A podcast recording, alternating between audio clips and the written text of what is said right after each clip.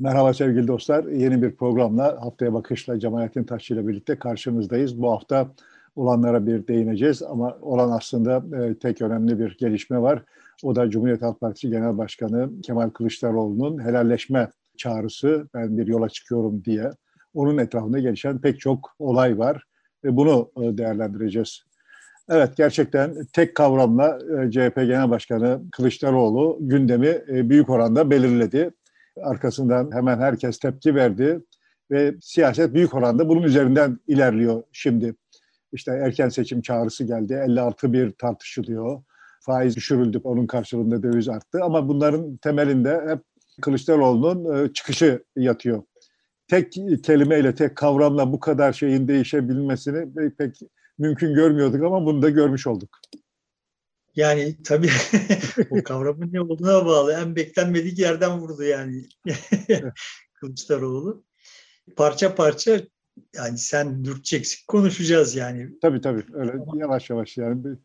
Hani herkes bu hususta bir şeyler söyledi dedin. Ben mesela İyi Parti'den bu hususta bir şey gelmedi.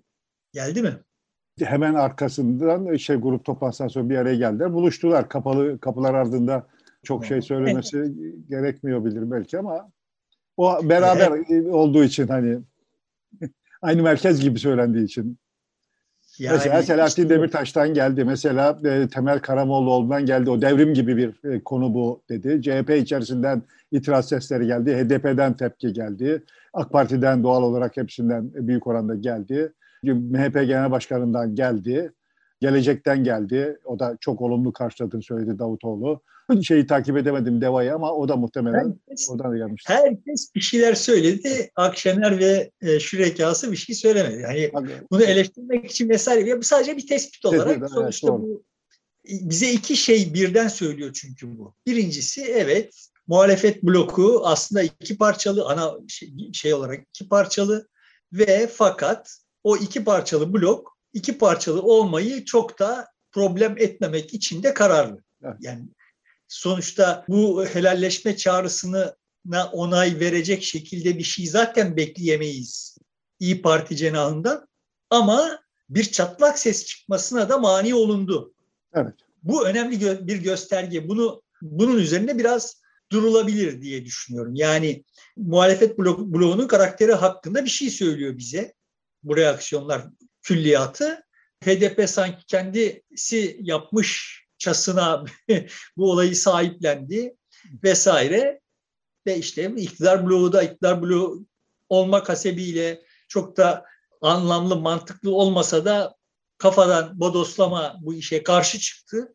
İkisinin arasında kalmış olan İyi Parti bu süreci tırnak içinde iyi yönetti diyebiliriz. Yani işine gelmeyecek, altına imza atamayacağı bir şey ama işte hiç değilse bir çatlağa yol açacak Hadi. bir tutum da belirlemedi. Evet. Bu hani iktidar için ibretlik bir yani hayatta her şeyden ibret almak gerekiyor. Bu da ibretlik bir şey olsun. Yani böyle muhalefet blokunun arasında bir çatlak sokma evet. çabalarının en kolay e, sonuç alabileceği noktada böyle bir çatlak oluşmadı işte uzun süredir uğraşıyordu. Tam tersi e, çatlak oluşmak biti yana daha bir yan yana gelmiş oldular. Özellikle HDP ile CHP ve HDP ile CHP'nin yan yana gelişinde İyi Parti çok fazla itiraz edemez bir noktaya gelmiş oldu.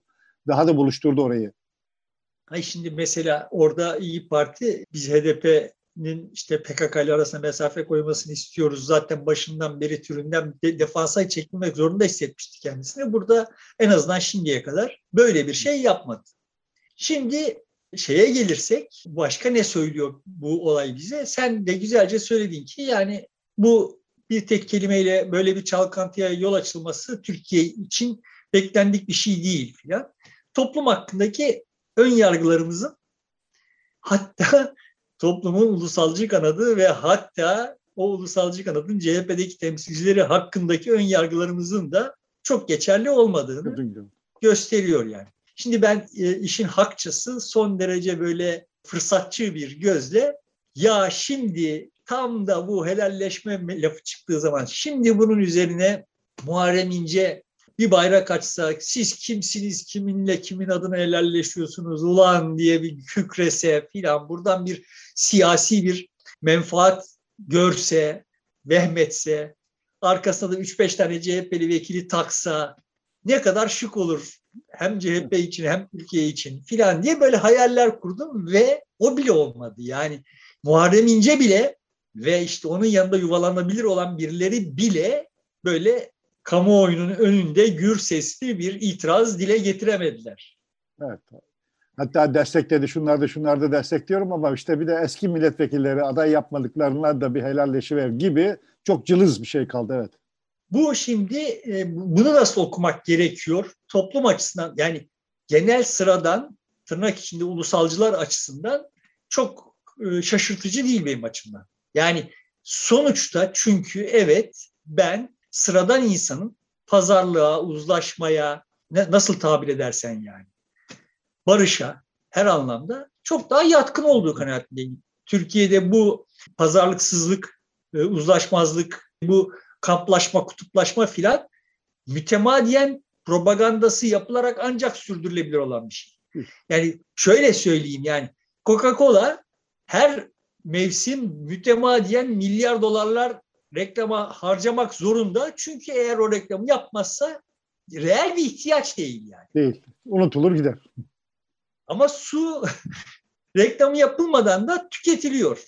Coca-Cola'dan daha çok tüketiliyor. Şimdi meselelere böyle baktığın zaman bir şeyin çok reklamı yapılıyor ise onun yani bir şeyin üzerine çok gidiliyor ise onun aslında gerçekte bir karşılığı olmadığını, e, yaratılıyor olduğunu o karşılığı söyleyebiliriz. Türkiye'de de kutuplaşma denen tırnak içinde boğazlaşma mütemadiyen yeniden üretiliyordu olan bir şeydi ve buna iki tarafta üretiyordu. Yani yani bu mesela aynı şey Kürt-Türk meselesi için de var. Yani bir tarafından PKK, bir tarafından MHP ve işte şimdi MHP'nin yedeğine girmiş olan iktidar bunu daha öncesinden bir taraftan PKK, bir taraftan devlet bunu mütemadiyen yeniden üretmek zorundaydılar. Çünkü aslında yok.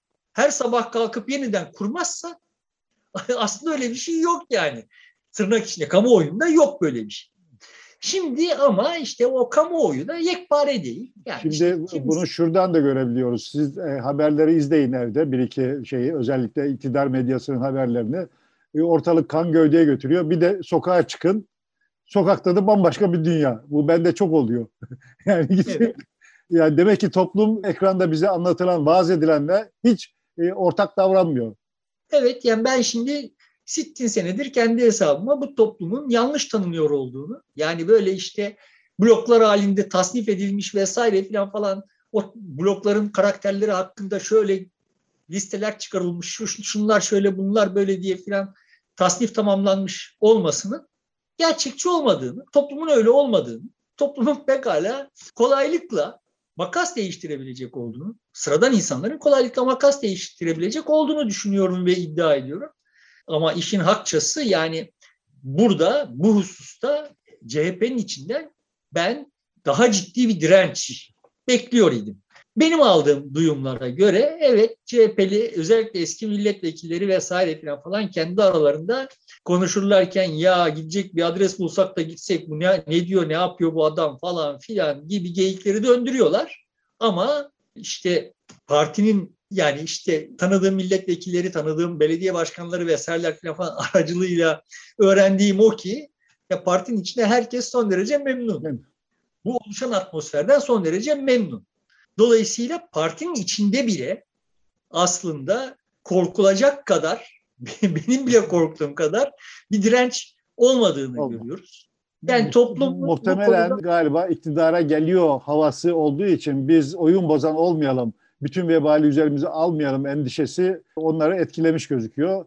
Bir de iktidar olursa hani biz de kıyısından köşesinden belki istifade edebiliriz gibi bir duygu muhtemelen onlar orada tutuyor bu pragmatik tarafları işin mutlaka var ama işin öteki tarafı da yani sonuçta şunu gö- görmek gerekiyor. Şimdi diyelim Tuncay Özkan aslında caz yapacak olsa etrafında yani Tuncay Özkan'ın etrafında bir takım insanlar var.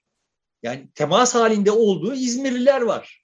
İzmir milletvekili olmak için kıyameti kopardı partinin içinde. Yani çünkü İzmir'de bir, bir şey var yani bir bir arka planı var Tuncay Özkan'ın. Şimdi Tuncay Özkan, hani biz kaç kişiyiz Tuncay Özkan diyelim ki bir bayrak açıp Atatürkçülük, ulusalcılık falan falan böyle yorumlayıp buna itiraz etmeye kalksa görmüştür ki işte o Urla'da beraber mangal yaptığı bilmem kim, işte şurada beraber oturduğu falanca filan bu hikayeden aa ulan ne kadar güzel oldu bak diye söz ediyorlar. Dolayısıyla yani bu sezgileri olduğu için Tuncay Özkan o yani. Bu sezgileri olduğu için o milletvekili sen ve ben burada bunları konuşuyoruz yani. Sonuçta kendi fikri bir şey olsa bile yani aa bak bu kamuoyunda benim tahmin ettiğim türden bir şey açmadı ve buradan bir çark döndürmenin imkanı yok. Dolayısıyla ben yine Kemal Bey'in arkasına hizalanayım, onu destekleyeyim filan diye geçmiştir içinden. Yani kendi başına, kendi fikriyle bir şeyleri yapmaz. Zaten o durumda olan kimse yapmaz yani. Benim şimdi konuştuğum milletvekilleri filan falan. Yani hani bunun istisnası var mı? Var. Yani Bolu Belediye Başkanı gibi adamlar da var. E ama onlar da zaten aslında hani yine kendi etraflarında muhtemelen işte o belediye başkanı olmanın getirdiği şeyle onu kuşatmış olanların reaksiyonlarına bakıyor ve onlar gaza getiriyorlar adamı böyle. Yine onun, o yüzden oluyor yani. Şimdi kuşatılmadığın durumda yani daha sıradan insana temas edebildiğin durumda anlaşılan o ki herkes şunu gördü.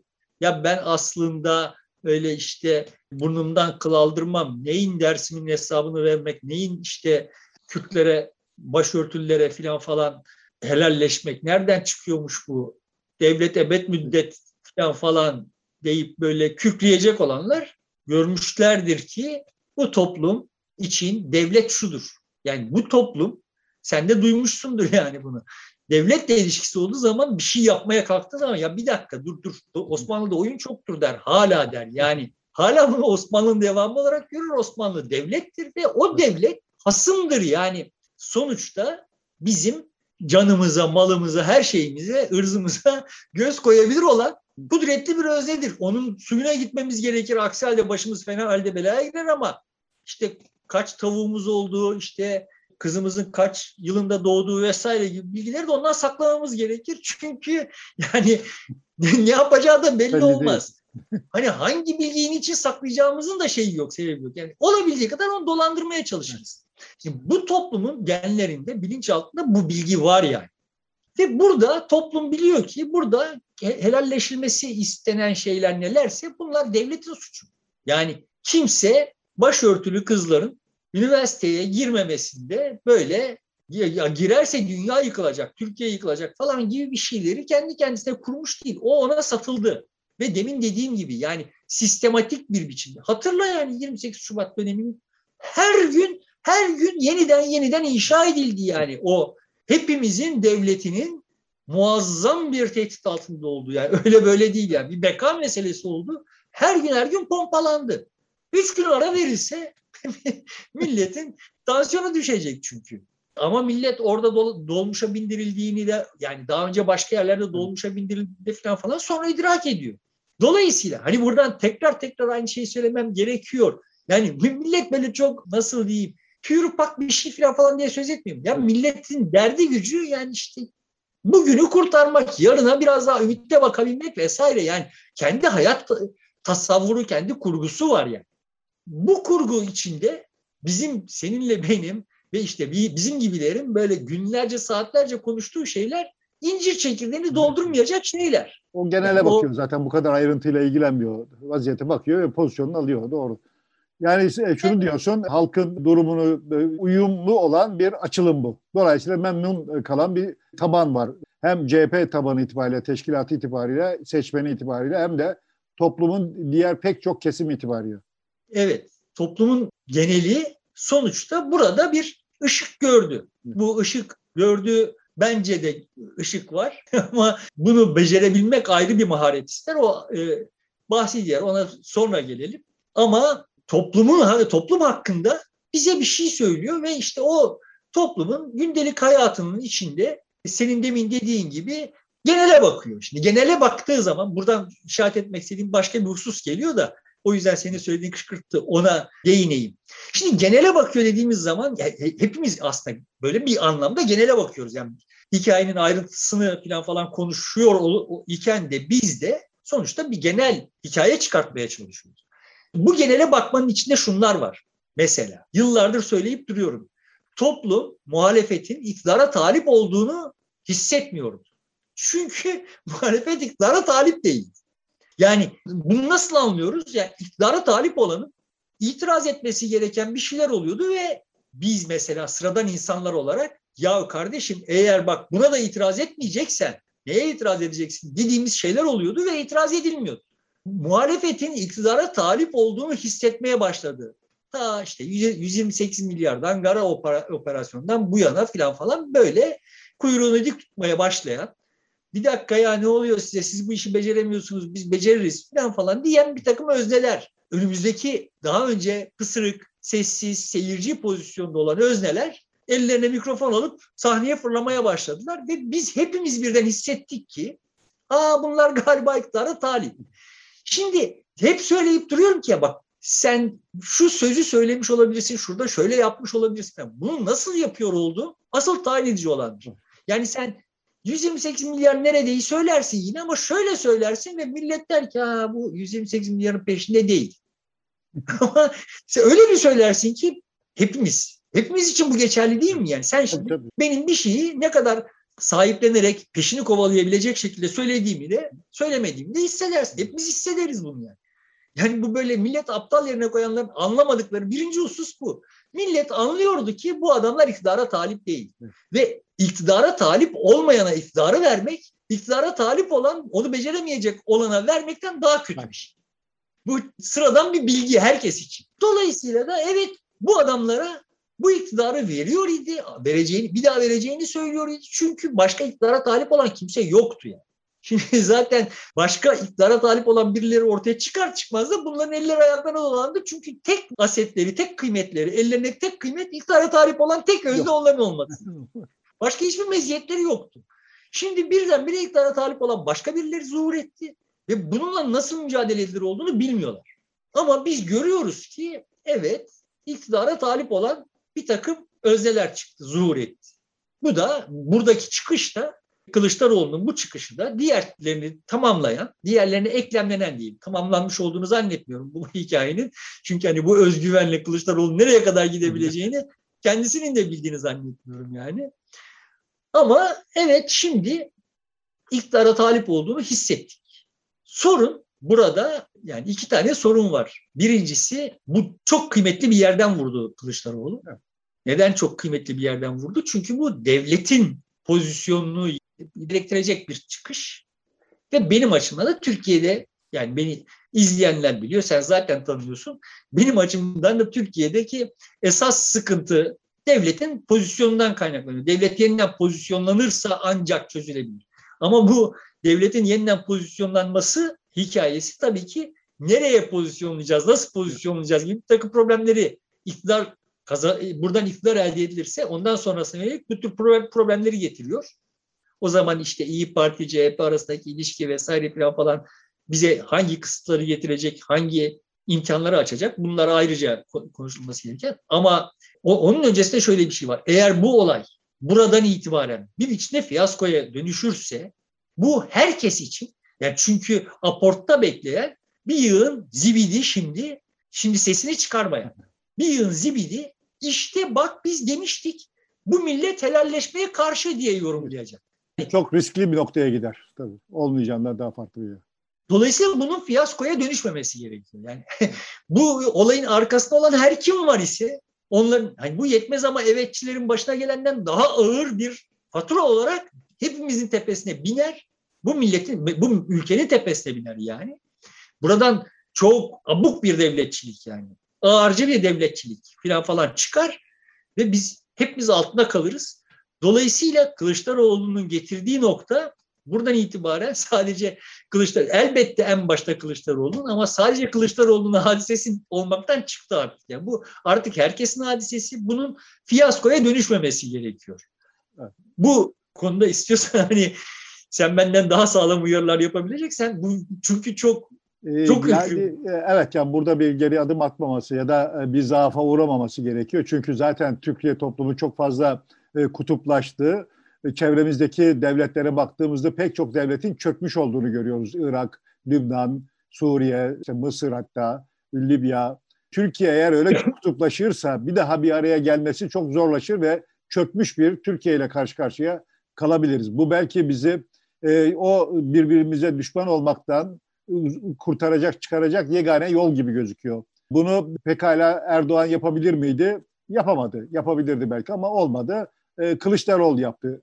Aslında Kılıçdaroğlu'nun yapmasının da çok daha önemi var. Beklenmedik bir isim bunu yapıyor. Hiç ona e, atfedilmeyen, ondan beklenmeyen bir davranışı gerçekleştirmiş olması da aslında bir anlamda da çarpan etkisi yapıyor. Muhtemelen Kılıçdaroğlu bir hata yapmaya kalksa bile ya da bir hataya ona mecbur bırakılsa bile toplumun diğer kesimleri hemen e, onun düzeltilmesi yönünde de çaba harcayacak, harcayacaklar gibi duruyor. Evet yani e, ben de şimdiye kadarki reaksiyonlara baktığım zaman evet milletin bunu çok gönüllü bir biçimde satın aldığını ve benim hissiyatımı onların da paylaşıyor olduğunu filan görüyorum. Dolayısıyla hani bir anlamda ümitliyim ama Osmanlı'da oyun çoktur. Yani sonuçta alarmda olmamız gerekiyor. Ama sanki e, bu e, helalleşme meselesine devletin içerisinden hatta hükümete yakın kadrolardan da e, sıcak bakıldığı, sempati kurulduğu en azından destek olunduğu ne kadar doğrudur bilmiyorum ama ya bu fena değil, iyi o, buradan bir çıkış ol, olabilir düşüncesinin oralarda da karşılık bulduğunu zannediyorum. Şimdi şöyle yani devletin içindeki insanların büyük bir bölümü işte benim gibi yani memur. Yani. Devlet, devletin kulu. Hani ben memuriyetim boyunca da çok da böyle kul gibi davranmadığımı zannediyorum falan ama sonuçta yani adamın işte sicili, işte tayini vesairesi falan falan orada birilerinin iki dudağının arasında. Bu böyle bir devlet mimarisi tabi, tabiatıyla iyi insanların da, bütün insanlar iyidir benim açımdan da, iyi insanların da böyle hani kendileri gibi davranmalarına mani olabiliyor ve işte orada bu bir devletin bekası kardeşim hani yani bu işte Eymür'ün son dönemlerdeki çıkışı gibi yani tamam yani benim şahsi bir meselem değil demeye çalıştığı şey bu yani işkence yaptımsa devlet adına yaptım. ihtiyaçları öyleydi yaptım. Yani. Ve evet böyle kendisini aklayan bir takım insanlar var. Sorun zaten şurada yani. Ya kardeşim bak devletin eğer ihtiyacı 20 yaşındaki çocuklarına işkence yapmak ise ulan o devlet devlette bir yanlışlık var. Sorusunu sorabilecek durumda olan insanlar da var bu devletin içinde.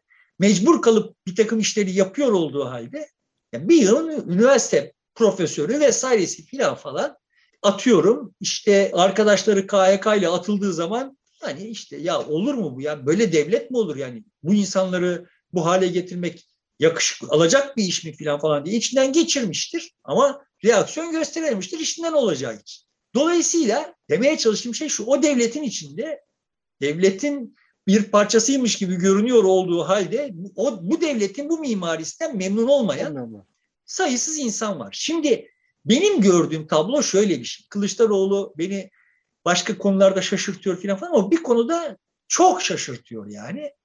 Bunu bu göçmen mevzuunda ilk videoyu yaptığımda mülteciler mevzuunda anlatmıştım, yazmıştım da. Yani Kılıçdaroğlu iki hamlelik bir işi kotarmış olamaz ama eğer bu iş iki hamlelik bir iş ise Kılıçdaroğlu çok doğru bir iş yaptığı demiştim ve olayın iki hamlelik olduğu ortaya çıktığında da çok şaşırmıştım. Şimdi burada da olayı böyle birkaç hamlelik üstelik. Önce bir kendisi işte mutfağında bir video çekti, bir gürültü koptu etrafında kimse ne dediğini anlamadı. Yani kim kimden niye neden helalleşecek falan filan. Sonra grup toplantısında o dağınıklığı bir anlamda dizginlediği yine anladığım kadarıyla belli bir takım muğlak alanlar bıraktı falan filan. Ama net toplamda burada anlaması gereken herkes zaten galiba şunu anladı. Ve muhtemelen de olay oraya doğru gidecek. Kardeşim burada mesele devletin mimarisi. Şimdi geçen gün bu mevzuyla ilgili konuşurlarken işte e, Roşen, Ayşe Çavdar ve Kemalcan Kemalcan olayı son derece şey bir şekilde devlete getirdi. Yani dedi ki yani sonuçta temel meselemiz şu. Devlet mi beni kontrol edecek Ben mi devleti kontrol edeceğim? Yani devlet bir takım fiiller ne bulunuyor? Ben de bir takım fiiller işliyorum. Sorunumuz şu. Benim fiillerimi kontrol edecek bir devlet mi? Devletin fiilleri kontrol edecek bir Kemalcan mı? Meselemiz bu. Evet yani bizim meselemiz başından itibaren buydu. Ve başından itibaren devlet bize hep onun bizi gözetlemesi, denetlemesi, bize ayar vermesinin onun hakkı olduğu, bizim ise hiçbirimizin böyle bir hakkı olmadığı, yetkimiz olmadığı, biz nereden biliriz yani? Filan olduğu zannını durmadan pompalayarak geldi. Yüz yıldır. Yüzden de uzun yıldır yani. Tatteraki geleneği yani. Sonuçta evet birçok yerden de bunlar çıkıyor. Şimdi Kemalcan orada devlet diyor. Birileri burada İttihat Terakki diyor filan falan. Yani İttihat Terakki'yi ve devleti olumsuz özneler olarak tarif ediyor değil. Sonuçta bunları yaparlarken kendi başlarına bir takım mantıkları şüphesiz vardı. Yani işte gayrimüslimleri tasfiye ederken bunun bir mantığı vardı. Benim katılmadığım ama bir mantığı vardı yani. Sonuçta ben o mantığa katılmıyorum. Sorun şu, benim buna itiraz etme mi baskı yoluyla imkansızlaştırmak başka bir şey. Devletin mimarisinin zıvana çıkmasının şeyi burada. Ha başlangıçta bir devrim yapmışsın ya da işte İttihat Terakki'yken işte yine bir nevi devrim yapmışsın. Korkuyorsun ve işte Böyle yapıyorsun. Tamam ama bunu 100 yıl sonra sürdürmek Evet. İla nihaya kalıcı hale getirmenin bir anlamı yok. Doğru. Bizim devleti kontrol etme imkanlarımızı elimizden alıyordu. Şimdi görünüyor ki bu ihtiyaç şu kelimelerle veya bu kelimelerle bu toplumda kardeşim tamam ya ben istediğim gibi yaşayacağım. İstiyorsam kafa çekeceğim. İstiyorsam başımı örtüp namazımı kılacağım. Tamam mı? Sen bana karışmayacaksın. Ben de kimseye karışmayacağım hepimiz burada birbirimize de dövüşerek yani birbirimizden de çok hoşlanmadan ama hepimiz bir arada yaşayacağız. Ve biz seni denetleyeceğiz. Çünkü sen hakikaten çok ahmakça işler yapıyorsun yani. Şimdiye kadar farkında değildik. Şimdi işte e, PPK'dan bir faiz indirimi çıkıyor ve işte dolar bilmem nereye çıkıyor ve herkes biliyor değil mi şimdi o faiz indirimi yüzünden dolar çıktı falan. Aslında öyle mi oldu? Bana kalırsa öyle oldu da tam onu da bilmiyoruz yani. Ama hepimiz bildiğimizden de şüphe etmiyoruz. Sorun şu. 70'lerde sokakta bir ekonomik politik uğruna birbirimizi vuruyor olduğumuz dönemde bu kadar ekonomi biliyor muyduk? Yani şimdi bildiğimiz kadar biliyor muyduk? Yani teori, ekonomi teorisi biliyor muyduk? Bilmiyorduk. Ekonomide pratikte ne oluyor? Onu biliyorum. Yani aslında dolar kaç lira ve neden öyle? Doların orada değil de burada olmasının Türkiye için sonuçları ne olur? Yani bunları biliyor muyduk?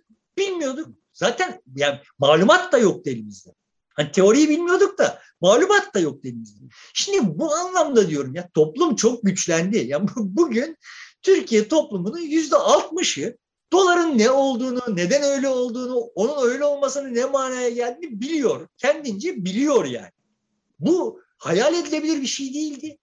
Sen şimdi bu toplumu o devletle yönetemezsin artık. yani Aslında sen sus. Bu, bu, bugüne sen... kadar e, muhafazakar kesim hep hadim devlet, hizmetkar devlet filan diyordu. Ceberrut devlet kısmını da e, CHP'ye yüklüyordu. Kemal Kılıçdaroğlu bu e, helalleşme meselesiyle e, hadim devlet, e, hizmetkar devlet kavramını sahiplenmiş oluyor aynı zamanda. E, siz e, Ceberrut devleti siz e, temsil ediyorsunuz noktasına gelmiş gözüküyor. Muhtemelen toplumun algıladığı, anladığı da bu herhalde. Ben daha daha derin bir anlayış bekliyorum ve ümit ediyorum yani. Sonuçta hadim devlet olmaz. Devlet hadim olmaz. Eğer toplum devleti her gün, her gün, her gün yani devlet nasıl bize her gün, her gün, her gün işlemezse biz şöyle düşünmeyi beceremiyoruz. Toplum devleti her gün, her sabah kalktığında yeniden kontrol etmezse devlet sınavından çıkar. Devletler öyle şeylerdir yani.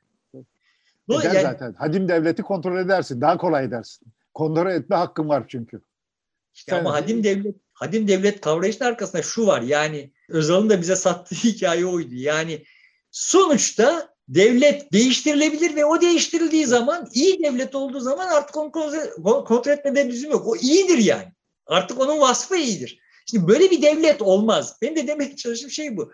Dolayısıyla bu hani Acemoğlu'nun falan falan son zamanlarında iyice üzerine abandığı hikaye bu ya. Yani bu devletle toplum arasında bir rekabettir, bir savaştır. Sürüp gidecektir. Ve bu sürüp gidiş içinde de biz üstümüze düşeni yapmazsak başımıza gelen felaket olacaktır. Devlet tepemize çökecektir. Şimdi ha bak işte bak sen de söyledin demek ki toplum üstüne düşeni yapmamış filan denecek şimdi. Ben de diyorum ki ya kardeşim bak bu toplum başından zayıf tutulmuş bir toplum. Devlet aşırı güçlenmiş ve sadece ekonomik, sadece şiddet tekeli vesaire değil işte aydınları aracılığıyla da imal ettiği aydınlar aracılığıyla da yani bilinci de üreterek bu toplumu çaresizleştirmiş. Gündelik hayatta toplumu, toplumu oluşturan bireylerin hiçbirinin göze alamayacağı şeyleri bu insanlara yaptırdı. Sonuçta toplum bunun bundan fazlasını talep ediyordu. Devletin kendisi hasmı olduğunu hissediyordu vesaireydi. Ama elinde herhangi bir enstrüman yoktu. E işte bu zaman içinde biz toplum olarak güçlendik. Şimdi bu devleti ittirme, öteleme şansımız var. Ve Kılıçdaroğlu'nun vurduğu yer tam da burası benim açımdan. Burası en kritik noktaydı. Yani buradan vurulmazsa nereden vurursan vur bizim geleceğe ümitle bakma şansımız yoktu. Benim açımdan tablo böyleydi. Ben AKP iktidara ilk gelirken benim akranlarımın arasında eski solculardan, eski, hala sosyalist olanlardan, işte liberallerden falan filan AKP'ye kredi açanlar, iyimser bakanlar falan falan çok idiler. Neden öyle yaptıklarının farkındaydım. Ama ben öyle bakmıyordum. Çünkü işte bakmamanın arkasına yatan şey buydu yani. Hadim devlet. Ya kardeşim bak ben senin hadim olmanı istemiyorum. Denetlenebilir olmanı istiyorum. Bu başka bir şey yani. Tamam, ben senin iyi olmanı istemiyorum. Değişebilir olmanı istiyorum. Bu benim açımdan son derece kritik bir eşik. Bu eşiği bu eşiğe vurdu şimdi Kılıçdaroğlu. Buraya kadar demek ki işte hani benim açımdan olay son derece e, sahici bir hikaye. Fakat hani dediğim gibi eğer burada maçı kaybedersek, bu maçı kaybedersek bir daha hiç belimizi doğrultamayabiliriz. Benim formülasyonum doğruysa. Benim formülasyonum böyle ve bu formülasyon içinde bu maçı kaybetmememiz gerekiyor yani. Buradan bir iktidar çıkartılması gerekiyor. Evet. Ama zaten dünyada da biraz ulus devletlerin gücünün zayıfladığı, toplumun biraz daha güçlendiği bir sürece doğru da gidiyoruz. Yani dünyadaki bu eğilme de uygun e, Kılıçdaroğlu'nun bu çıkışı. Kesinlikle. Sorun şu zaten yani hani şu denklemi böyle kurduğumuz zaman bu toplumu, bu devletin artık kendisinin bu mimarisine ikna etme şansı yok. Ya olağanüstü bir faşizmde şiddetle sindirecek Mısır'da yaptığı gibi işte başka yerlerde yaptığı gibi Çin'de yaptığı gibi tamam ya sahiden bize bizim tasavvur bile edemeyeceğimiz şiddetle tokat atacak veya zaten bu devlet geri adım atmak zorunda kalacak bir yere kadar. Şimdi o nereye kadar geri adım atacağı da işte iktidar sonrası. Göreceğiz. Yani iyimser tarafından bakacak olursak eğer bu mevcut iktidar bloku devlet yani devlet tarafından devşirilmiş mevcut iktidar bloku. Eğer kendisini bize olağanüstü bir şiddet vasıtasıyla dayatamayacak olursa Türkiye seçime gidecek öyle veya böyle. Bu gittiği seçimde de bu iktidar değişecek. Zaten bu kavramla birlikte bir seçim startı da vermiş oldu İyi Parti ile CHP bir araya gelerek e, haydi seçim sandık istiyoruz dediler. Belki de ilk defa bu kadar kuvvetli bunu ifade ettiler. Evet e, ilk defa inandırıcı. Yani kendilerinin sahiden seçim istediklerini bizim inanabileceğimiz bir şekilde ilk defa bunu dile getirdiler ve hani sen de ben de biliyoruz ki Türkiye'de seçim lafı bir kere dolaşıma girmişse onu ertelemek çok kolay olmaz. Yani e, şimdi bir takım hikayeler anlatılıyor. Ne olacakmış? İşte Erdoğan Birleşik Arap Emirlikleri'nden söz almış. İşte Katar'dan da şunlar gelecekmiş. Batı dünyasından da işte şu fonlardan Çin'den bu gelecek ve işte birdenbire gelen paralarla işte dolar aniden hızlı bir biçimde düşecek 8 liraya. Ondan sonra da gördünüz işte bak biz nasıl başardık bunu hikayeleri yazılacak falan filan. Şimdi ben saraya yakın olup böyle hikayeler anlatanlara daha öncesinde bir, bir, bir buçuk ay önce falan falan böyle hikayeler anlatanları dinledim. Yani inanmış biçimde bunlara inanmış biçimde böyle hikayeler anlattılar bana yani saraya yakın birileri. Ve sahiden hani böyle bir takım paralar da gelebilir. Bunlar anlamadığı şey şu. Birincisi tekrar söyleyeyim biz kursaktan ibaret değiliz. İkincisi bu memlekette şu anda bu kafayla bir diyelim ki iki ay içinde 150 milyar dolar soksan 250 milyar dolar soksan bu kafayla soksan burada çarkları döndüremezsin. Bu iş sadece para meselesi değil. Sen 150 milyar dolar soktuğun anda bu güvensizlik ile bu ülkede bu çar, bu işleyiş içinde o 150 milyar dolar bir hafta içinde 8-10 kişinin cebine girip yurt dışına çıkar. Tamam yani bu, bu, bu çarkı döndüremezsin artık. Çünkü kimsenin sistemin yarınına bir güveni yok. Bu iktidar bu iktidarda kaldığı sürece ben burada şu işleri yaparak şöyle paralar kazanırım. Ben çiftliğimi şöyle büyütürüm, şöyle modernize ederim de buradan şu üretimi şöyle arttırırım, şu ihracat üzerinden de bak dolar da yükselmişken filan falan gibi hesaplar yapabilecek kimse. Ekonomi budur. Ekonominin bir tane ham maddesi var. Güven.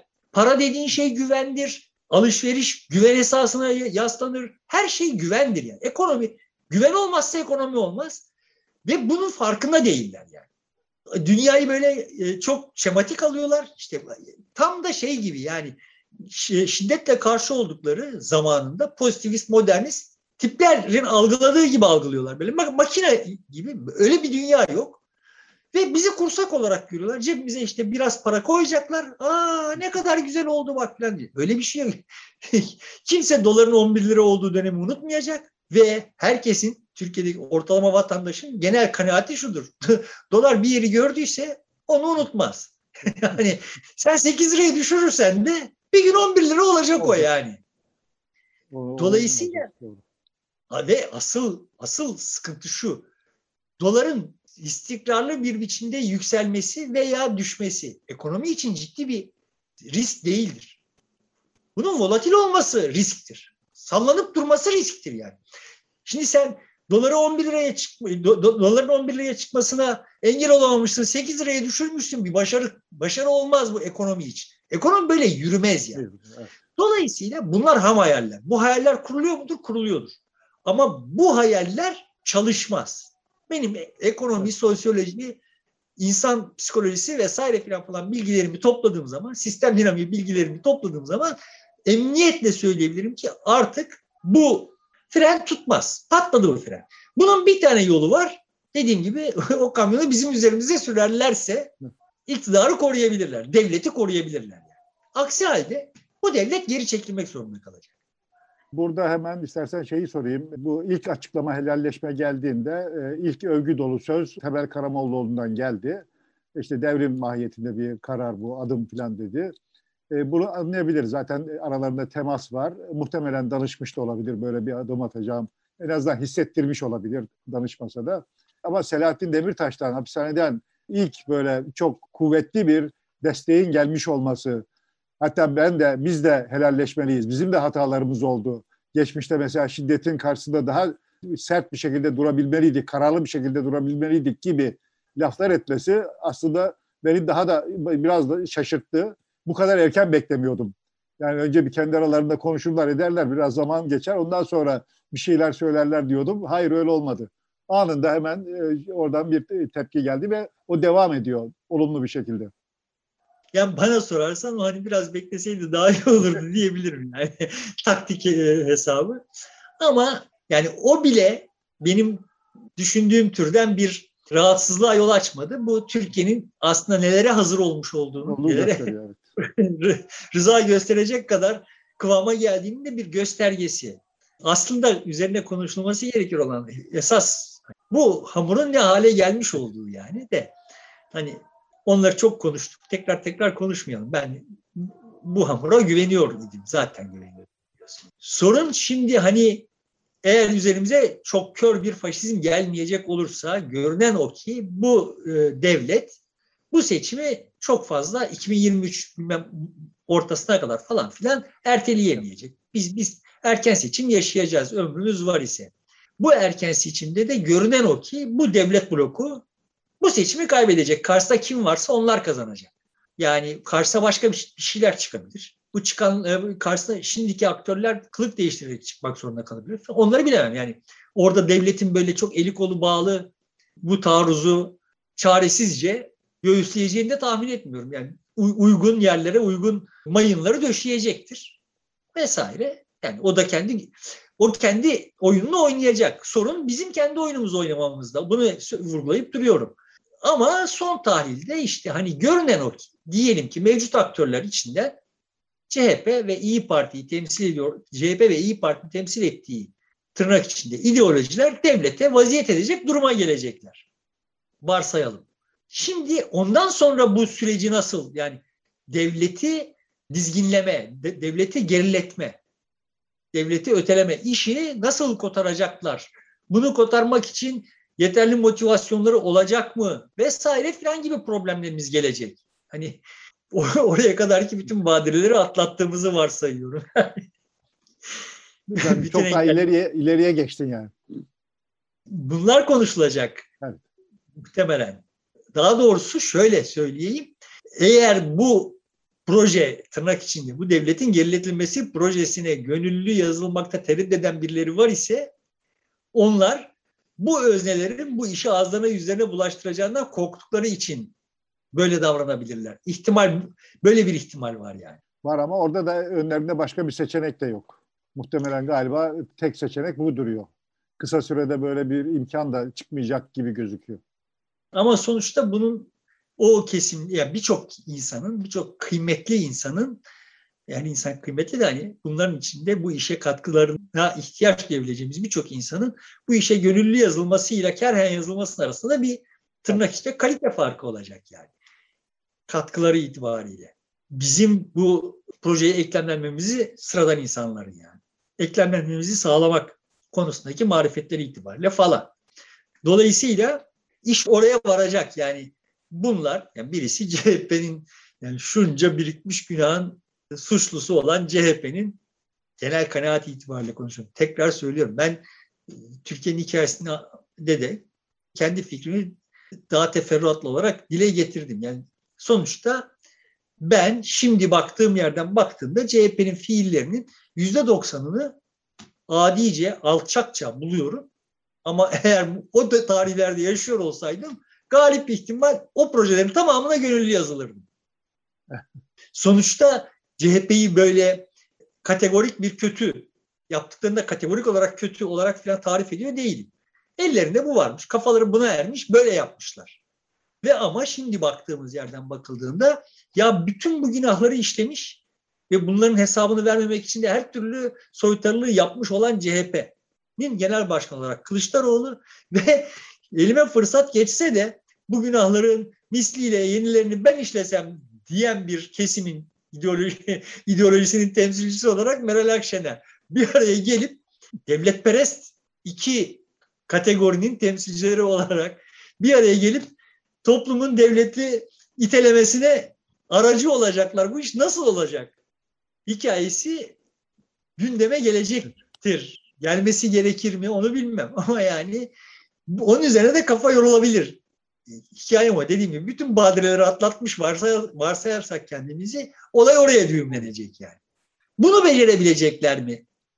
Az önce CHP'li bir arkadaşımla sohbet ederken iş buraya vardı ve dedim ki yani sonuçta bu işi yapacaksa evet bunun bayraktarlığını Kılıçdaroğlu, Akşener vesaire falan falan yapmak zorunda kalabilirler. Ama işi yapacaksa toplum yapacak, gençler yapacak. Yani bizim yapma şansımız da yok yani.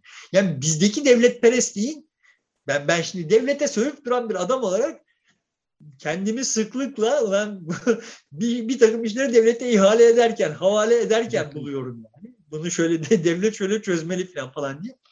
Dolayısıyla bizden bu devleti çıkartmanın yolu yok yani. Ya biraz zor tabii ama e, en azından e, bir hamle yapılıyor. Toplumun biraz daha güçlenmesi, biraz daha örgütlenmesi, sesini çıkarması, müdahil olmasının şartları muhtemelen oluşacak gibi gözüküyor.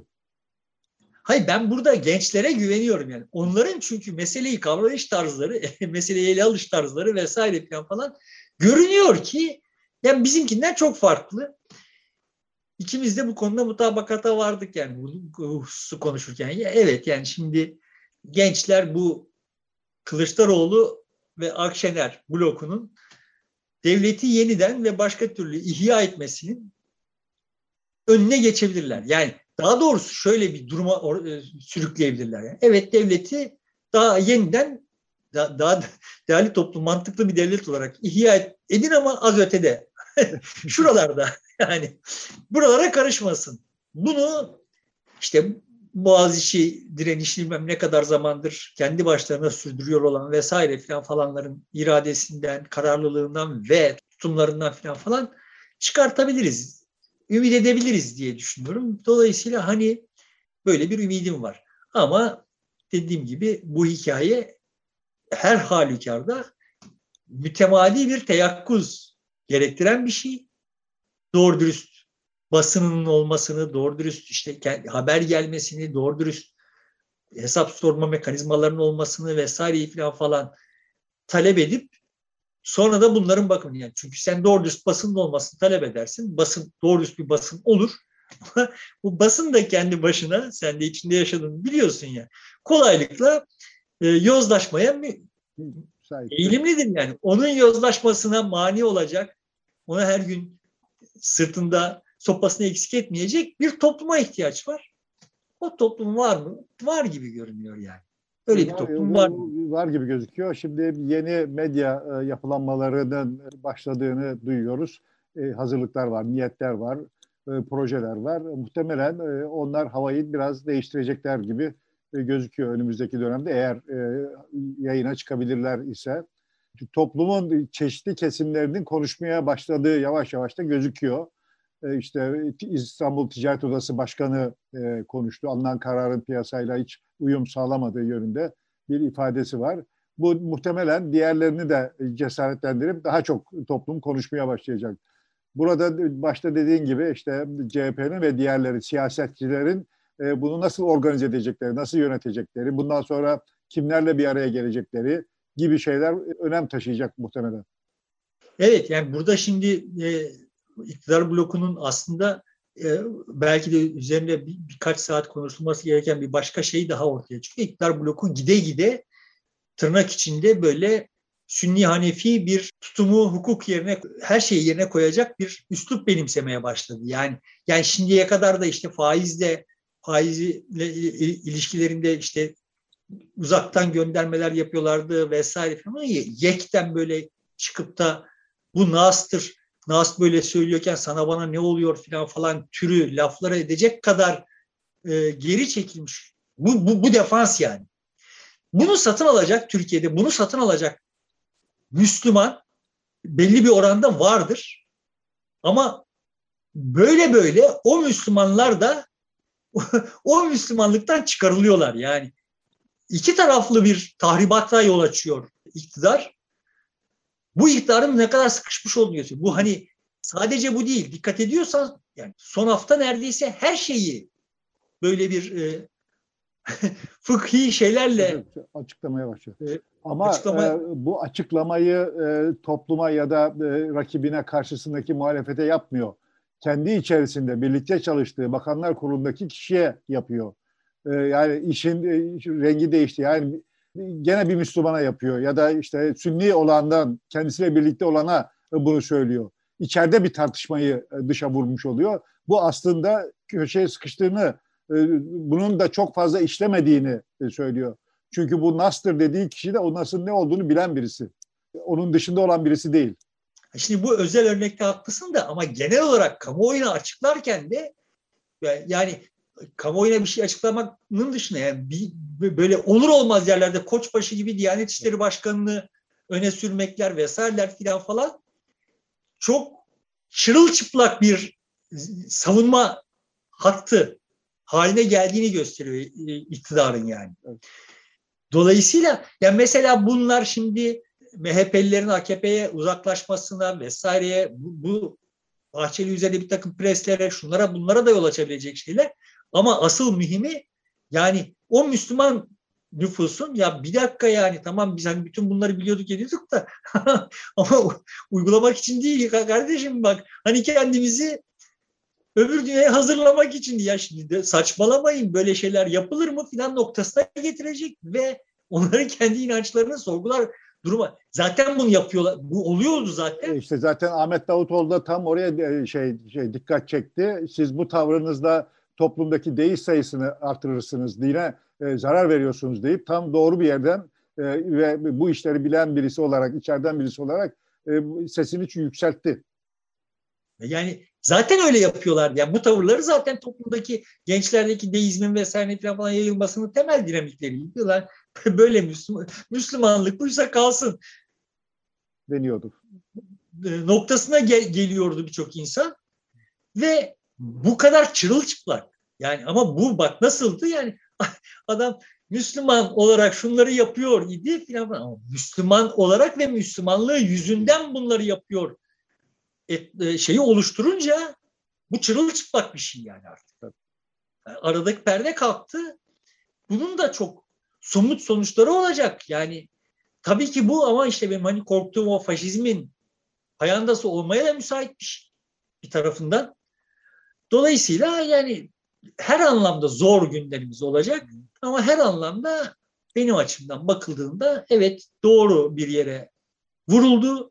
Bu doğru vurulan yerden yani sonuçta sizin işiniz İslam'la vesaireyle filan falan hesaplaşmak olabilirdi işte diyelim ki bir takım aydınlar için. Ama başörtülü kızlarla hesaplaşma hakkınız yoktu yani. Yani o inanıyor, sen inanmayabilirsin.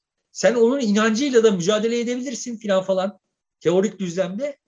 Yani o kendi kararını senin yaptığın tartışmalara bakarak değiştirebilir, değiştirmeyebilir. Ama sen başörtülü diye o kızın okumasına mani olma. Bunu da buna devleti aracı etmeye. Hiç yetkisine sahip değildin. Şimdi sorun dönüp dolaşıp buralara geliyor. Yani kendi kafasında kendince bir projesi olanın bu proje her neyse yani devleti bu projenin aygıtı olarak kullanmasından kaynaklanan bir mimari bozukluk var. Bu mimari bozukluktu bizim sıkıntımız. Yoksa onun Müslüman olması, bunun Alevi olması, onun Kürt olması, bunun milliyetçi olması falan filan değil. Ama milliyetçinin Kürt'ü dövmek için devlet aracı olarak kullanma lüksüne sahip ol, olabiliyor olduğunu görmesi. Dolayısıyla bunun üzerinden bir hikaye üretmesi bir fiil üretmesi yani. İdi sıkıntımız. Şimdi bu anlamda devleti bu işlerden temizlemek gibi bir iması var. Ve bunun giderek netleştiriyor gibi görünüyor Kılıçdaroğlu. Bu da kamuoyunda böyle e, hani ağır ağır ağır ağır hazmediliyor gibi görünüyor. Yani buna bir dakika ya ne oluyoruz diyenlerin burada çok şık göstergeler var. Yani benim üyesi olduğum WhatsApp grupları var böyle sayısız ulusalcının falan falan kaynadığı. ya bak kaç gün oldu tamam mı? Ya bir tane bu helalleşme hakkında bir tane paylaşım olmadı yani. Yani şimdi orada böyle çok katı ulusalcı olmayanlar mesela bir paylaşımda bulunmuyorlar. Onlar muhtemelen onaylıyorlar bundan mutluluk duyuyorlar. Paylaşımda bulunmuyorlar o ulusalcıları kışkırtmamak için. O ulusalcılar seslerini çıkaramıyorlar. Çünkü ya bir dakika yani hem, hem bir yandan iktidar geliyor hem de ya şey de var yani yanlarındaki yamaçlarındaki insanlar bundan çok memnunlar. Dolayısıyla herkes bulduğu kestirme çözüm suskunluğu. Su, susulduğu zaman problemlerin çözülebiliyor olduğunu da görüyoruz yani. Susmayı becerebildiğimiz zaman birçok problem çözülebiliyor. Her şeyin de çok da dibine kadar konuşulması gerekmiyor. Bitirmeden şunu söyleyeyim. Bu e, bu susma mevzu üzerinden. Sonuçta böyle olayları çok netleştirerek problem çözme e, şehvetinde olan yani kardeşim tamam da şimdi PKK ile HDP'nin arasındaki sınırı çizelim. Yani şurada şurası filan böyle bunlar olabilir. Olduğu zaman da problem çözülebilir filan falan vehmiyle böyle ahkam kesenler, iş yapanlar filan var. Ya dünyadaki bir yığın iş o o sınırların belirsiz olması sayesinde mümkün oluyor. Bu bir pozitif iş. O belirsizlik, muğlaklık senin kendini oraya kendin olarak eklemleyebilme. Yani şimdi bu helalleşme konusu ne kadar muğlaksa sen oraya Celal olarak, Cemal olarak eklemlenebiliriz. Ve bambaşka sebeplerle eklemlendiğimiz halde yan yana durmuş oluruz. Dolayısıyla işte Kılıçdaroğlu bu işi ne kadar muğlak götürürse, muğlaklığı ne kadar koruyabilirse o anlamda da sürece hizmet etmiş olur diye de düşünüyorum yani. Kılıçdaroğlu muğlaklık konusunda eski bürokrat olduğu için çok tecrübeye sahip birisi diye tahmin ediyorum. E Şimdi e, sustu diyorsun ya diğerleri de WhatsApp gruplarında eskiden bir slogan vardı. Susma sustukça sıra sana gelir diye. Galiba şimdi konuşma sus e, çözüme doğru gidelim anlayışı yerleşmiş gözüküyor. Ee, Yani beni zor duruma düşürme ya. Oradaki susma başka bir şey yani. tabii tabii tabii anladım. Bu konuşma anlamına gelen bir susma aslında. Yani Müdahale de- sonuçta söyleyecek bir sözün yoksa sus kardeşim. Yani klişelerden ibaret, başkalarını kıracak laflardan ibaret şeyden konuşuyor ise çözüme bir katkın olmayacak ise sus. Yani diyelim bitirelim. ama ama birilerini ötelenmesi, itelenmesi, uzaklaştırılması gereken birilerini eğer uzaklaştırmaya yarayacaksa ve elzemse tabii konuş yani. Ertuğrul Özkök'ün sana taarruz etmesine, tasallut etmesine mani olmak gerek için senin konuşman gerekiyorsa tabii ki konuş. Ama müşahhas şahıslar hakkında filan böyle muallak, mu, e, işte anonime özneleri suçlayarak işte başörtülü kızlar, işte efendime söyleyeyim benim ya- yapa geldiğim ulusalcılar filan böyle böyle olmaz yani. O zaman sus. Peki burada bitiriyoruz o zaman. Sevgili dostlar burada sona erdiriyoruz programı. Ee, haftaya çarşamba günü yeniden görüşmek üzere. Hoşçakalın.